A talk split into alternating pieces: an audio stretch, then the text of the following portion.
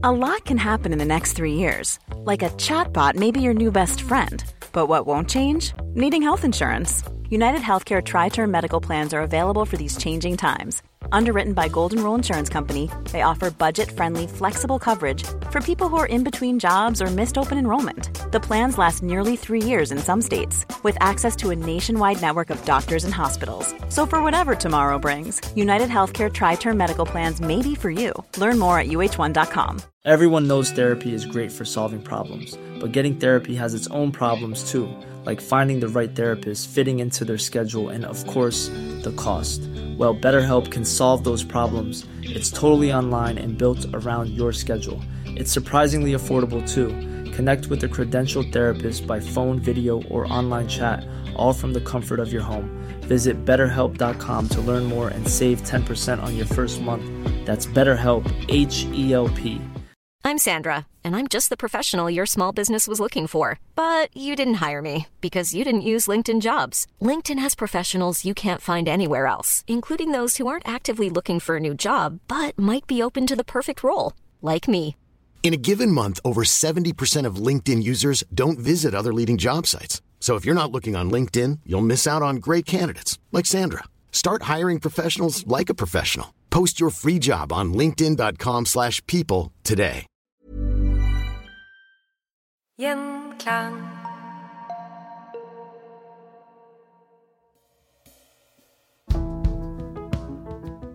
Velkommen til Historier som endret verden. Med oss på besøk i dag har vi Åge Sivertsen. Velkommen. Takk.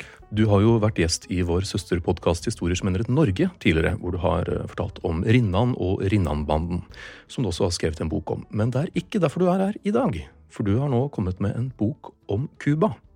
Kan jeg kalle det en del reiseguide og en del historiebok? Det er da Duften av Cuba. Og I denne episoden så skal vi snakke om Cuba før Fidel Castro og co. kom til makten. Men hvordan er det på Cuba i dag, Åge? Ja, det kan du si. Det blir iallfall ikke bedre. Eh, Det var ille for inntil en par-tre år siden, før pandemien kom, og så kommer pandemien. Og eh, det fører altså Skal vi si at det går fra å være krise til katastrofe. De siste to årene så um, har det vært stengte butikker. Det er Mel har vært vanskelig å oppdrive.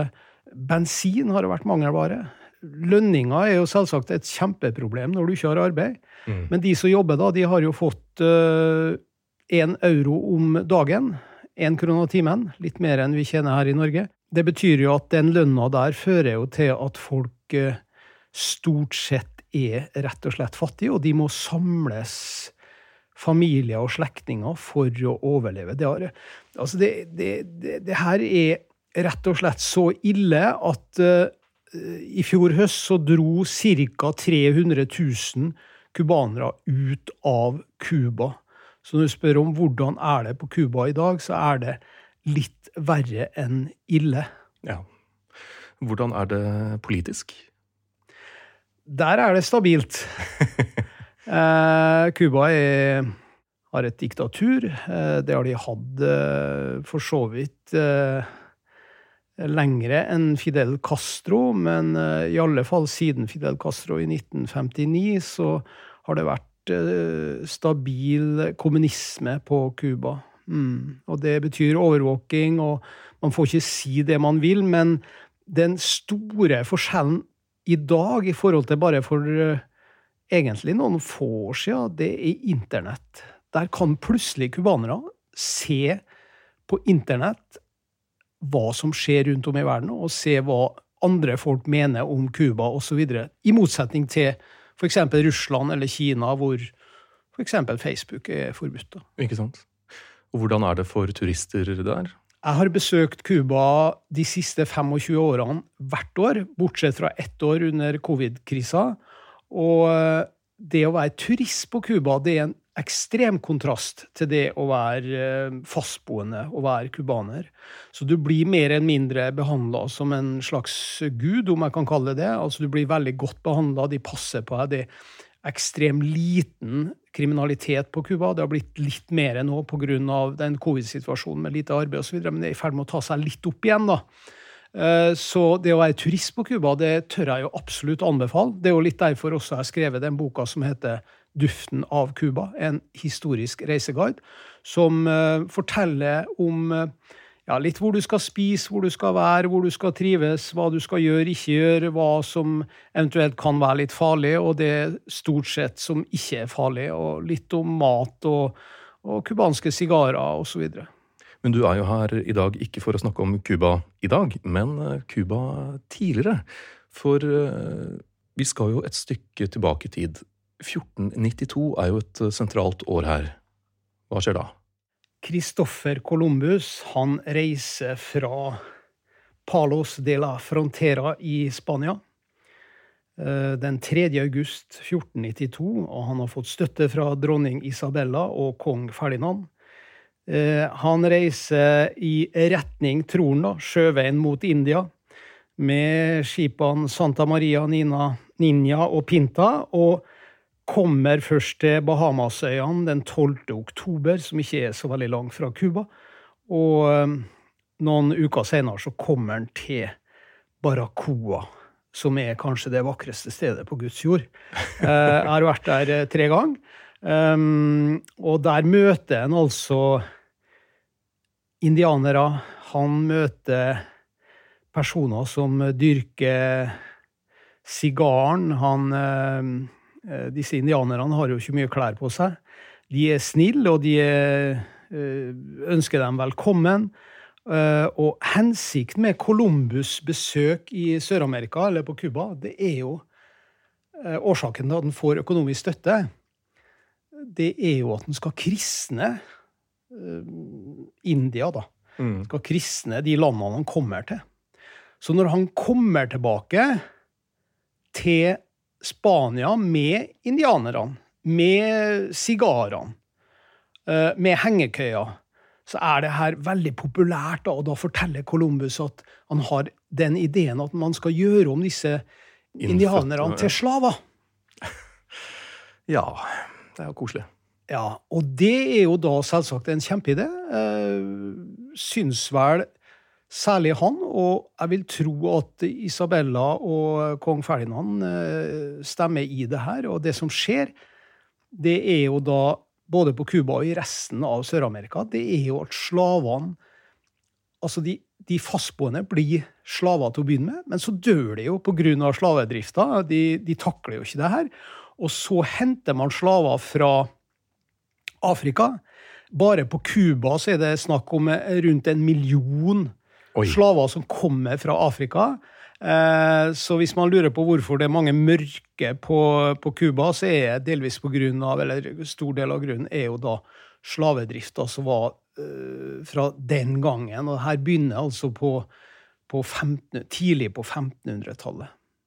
Det vi skal være klar over, da, hva er disse slavene gjør? Jo, det er altså i gruvene. De er å og, og jobber på, på, sukkerplantasjene, som er da den største eksportvaren eh, på Cuba. Har vært det i mer eller mindre alle år, bortsett fra eller eh, med, med sigaren i parentes, da.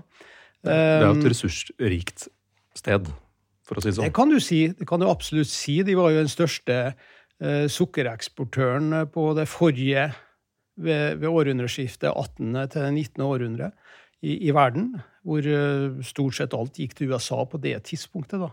Men de som jobber der, de som er slavene der, de, de, de jobber for å få tak i gull og glitter, skulle jeg til å si, for å pynte opp kirkene.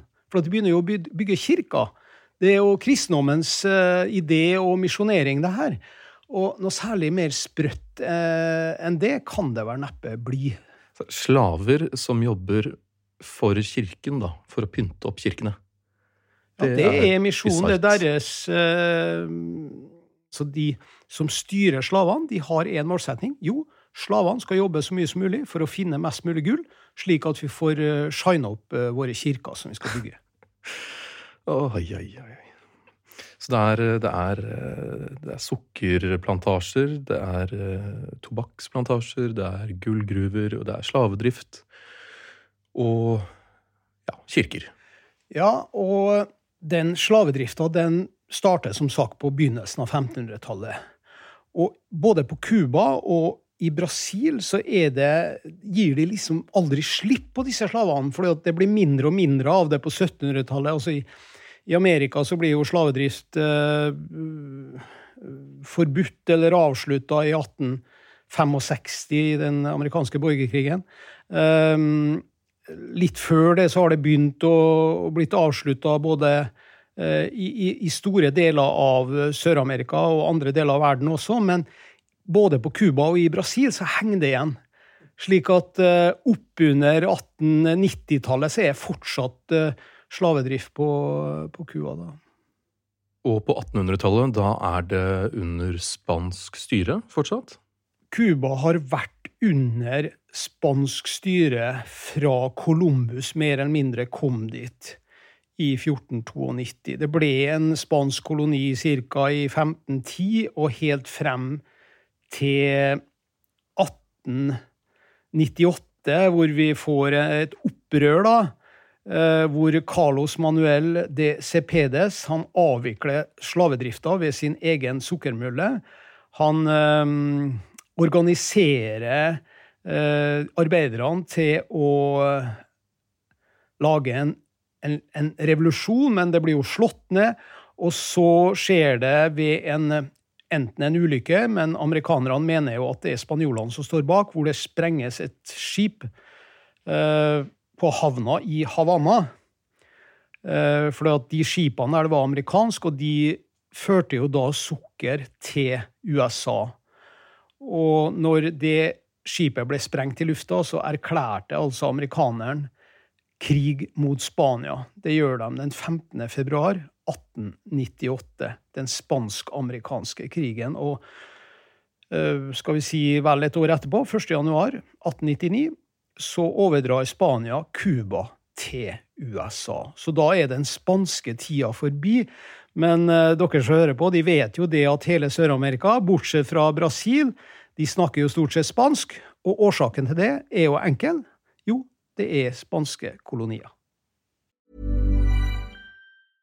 Hiring for your small business? If you're not looking for professionals on LinkedIn, you're looking in the wrong place. That's like looking for your car keys in a fish tank. LinkedIn helps you hire professionals you can't find anywhere else, even those who aren't actively searching for a new job but might be open to the perfect role. In a given month, over 70% of LinkedIn users don't even visit other leading job sites. So start looking in the right place. With LinkedIn, you can hire professionals like a professional. Post your free job on linkedin.com slash people today. Life is full of what-ifs. Some awesome, like what if AI could fold your laundry? And some, well, less awesome. Like what if you have unexpected medical costs? United Healthcare can help get you covered with Health Protector Guard fixed indemnity insurance plans. They supplement your primary plan to help you manage out of pocket costs. No deductibles, no enrollment periods, and especially no more what ifs. Visit uh1.com to find the Health Protector Guard plan for you. Quality sleep is essential. That's why the Sleep Number Smart Bed is designed for your ever evolving sleep needs. Need a bed that's firmer or softer on either side? Helps you sleep at a comfortable temperature? Sleep Number Smart Beds let you individualize your comfort so you sleep better together. JD Power ranks Sleep Number number 1 in customer satisfaction with mattresses purchased in-store. And now, save 50% on the Sleep Number limited edition Smart Bed for a limited time. For JD Power 2023 award information, visit jdpower.com/awards. Only at a Sleep Number store or sleepnumber.com.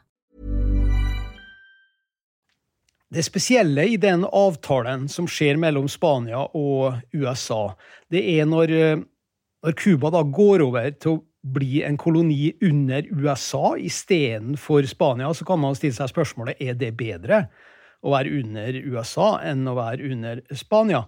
Eh, det førte iallfall til at Cuba fikk selvstyre i 1902, men der var amerikaneren smart nok, da, hvis jeg kan bruke det uttrykket, til å legge inn et tillegg som er kalt for plattillegget, nemlig at de ville ha en egen base der, som i dag er godt kjent som Guatanamo-basen. Og det plattillegget det innebærer at USA ønska å intervenere Cuba hvis de følte seg trua på et gitt tidspunkt. Og det har jo vist seg har skjedd eh, flere ganger. Og derfor har vi altså Guatánamo-basen den dag i dag. Og det er en, eh, en, person her som, eh, for å si det mildt, er viktig for cubanerne. Og det er José Martí. Hvem var det? José Martí han er en av de absolutt største heltene på Cuba. Egentlig større enn Fidel Castro, absolutt større enn Fidel Castro. Og kanskje på linje med Che Guevara. Det merker man hvis man er på Cuba i dag, for at du ser en statue av uh, José Martin nesten overalt. Du får plakater av en, det er dikt av en. Uh, flyplassen i Havanna er opp, oppkalt etter han.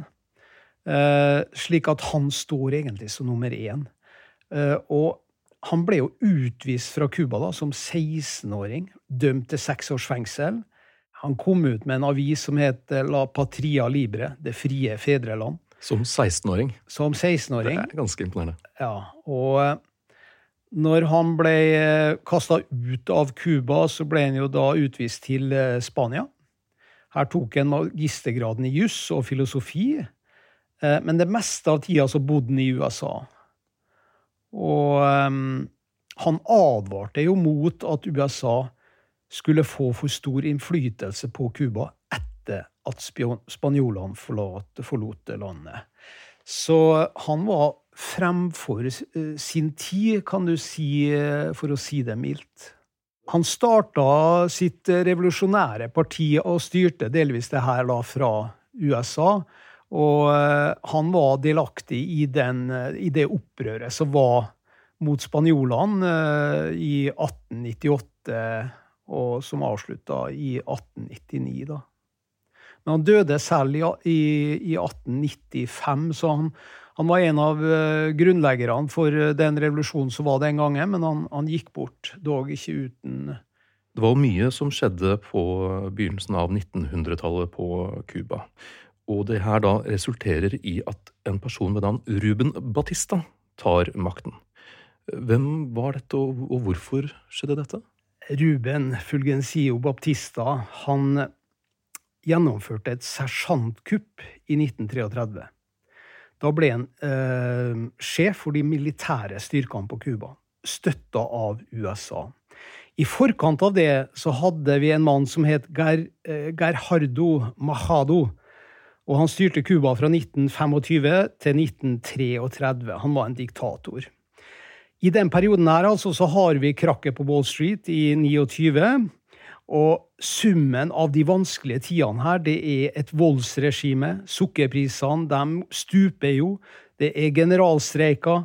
Og når um, Baptista tar over i 33, så er det kjent som revolusjonen av 1933. Og Baptista han um, ble senere president fra 1940 til 1944, da en uh, ny uh, diktator overtar, Ramon Grau. Men Baptista kommer jo tilbake 10. mars i 1952, og han styrer butikken helt frem til 1959, og da er det jo Fidel som overtar. Så du lurer på hvem var egentlig Baptista? Jo, han var født i 1901 i Banes, eh, Holguin, som er samme region som også Fidel Castro er født i. Oh, ja. Det er bare ti mil eh, mellom de to boligene hvor de to er født. Og foreldrene til Baptista hadde jo kjempa mot spanjolene i frigjøringskrigen. Um, så han Baptista han dro jo den veien som veldig mange gjorde, nemlig, eller de som hadde ambisjoner de, gikk, de verva seg i hæren, i det militære. Så 20 år gammel så dro han til Havanna. Og på den tida så hadde vi allerede en ganske sterk mafia. Sukkersmugling var en del av det. Forbudstida var en del av det. Ja, det er jo, lager jo alkohol av sukkeret, så Ikke sant? Uh, og hotell og kasinoer det ble jo styrt av mafiaen. Og Baptista, tro det eller ei, han ønska å stoppe det her. Ja. Det er ikke så godt kjent. Men det som skjer, altså, det er at når han kommer selv til makta i 33, så blir han en del av det. Han blir en del av problemet. Nei, I boken din så skriver du at uh, Havanna var, uh, var, som Las Vegas, med da, kasinoer og hoteller og mafiavirksomhet.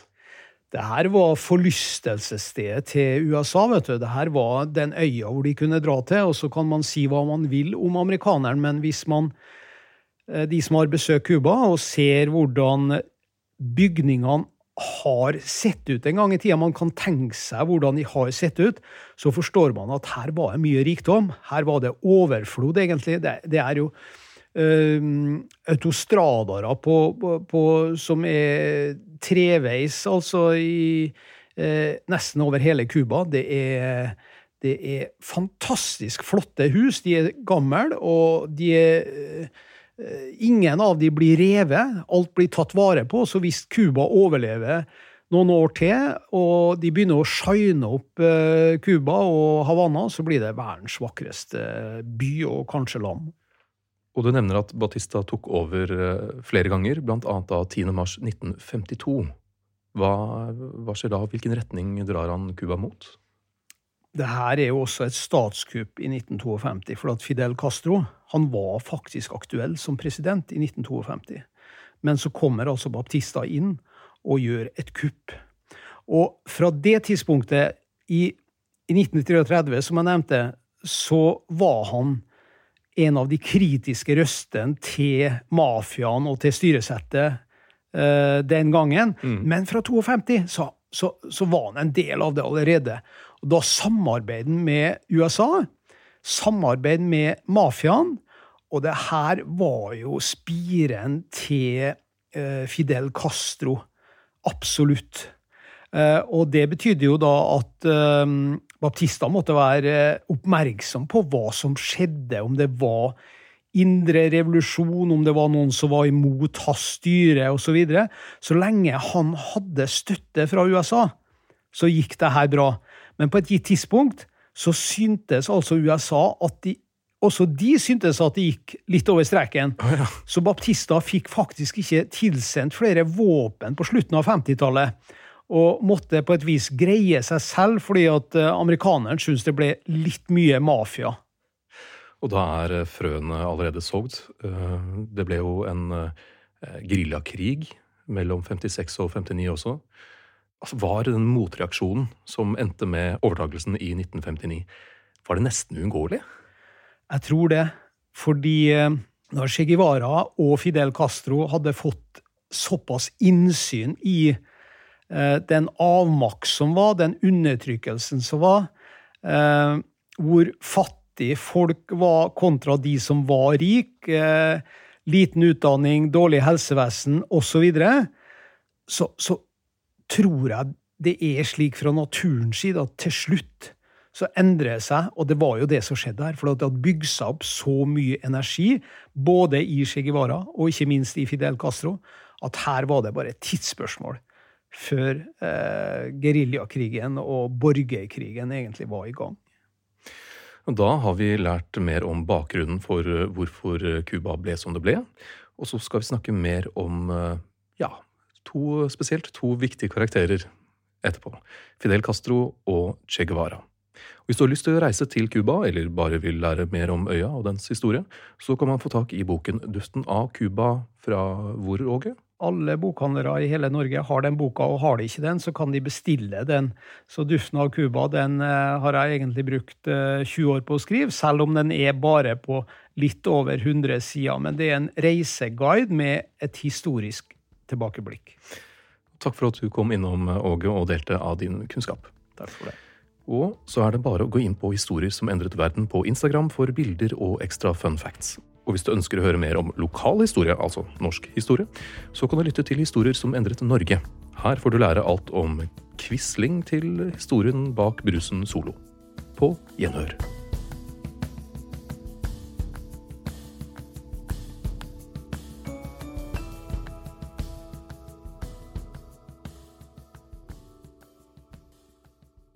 Gjenklang.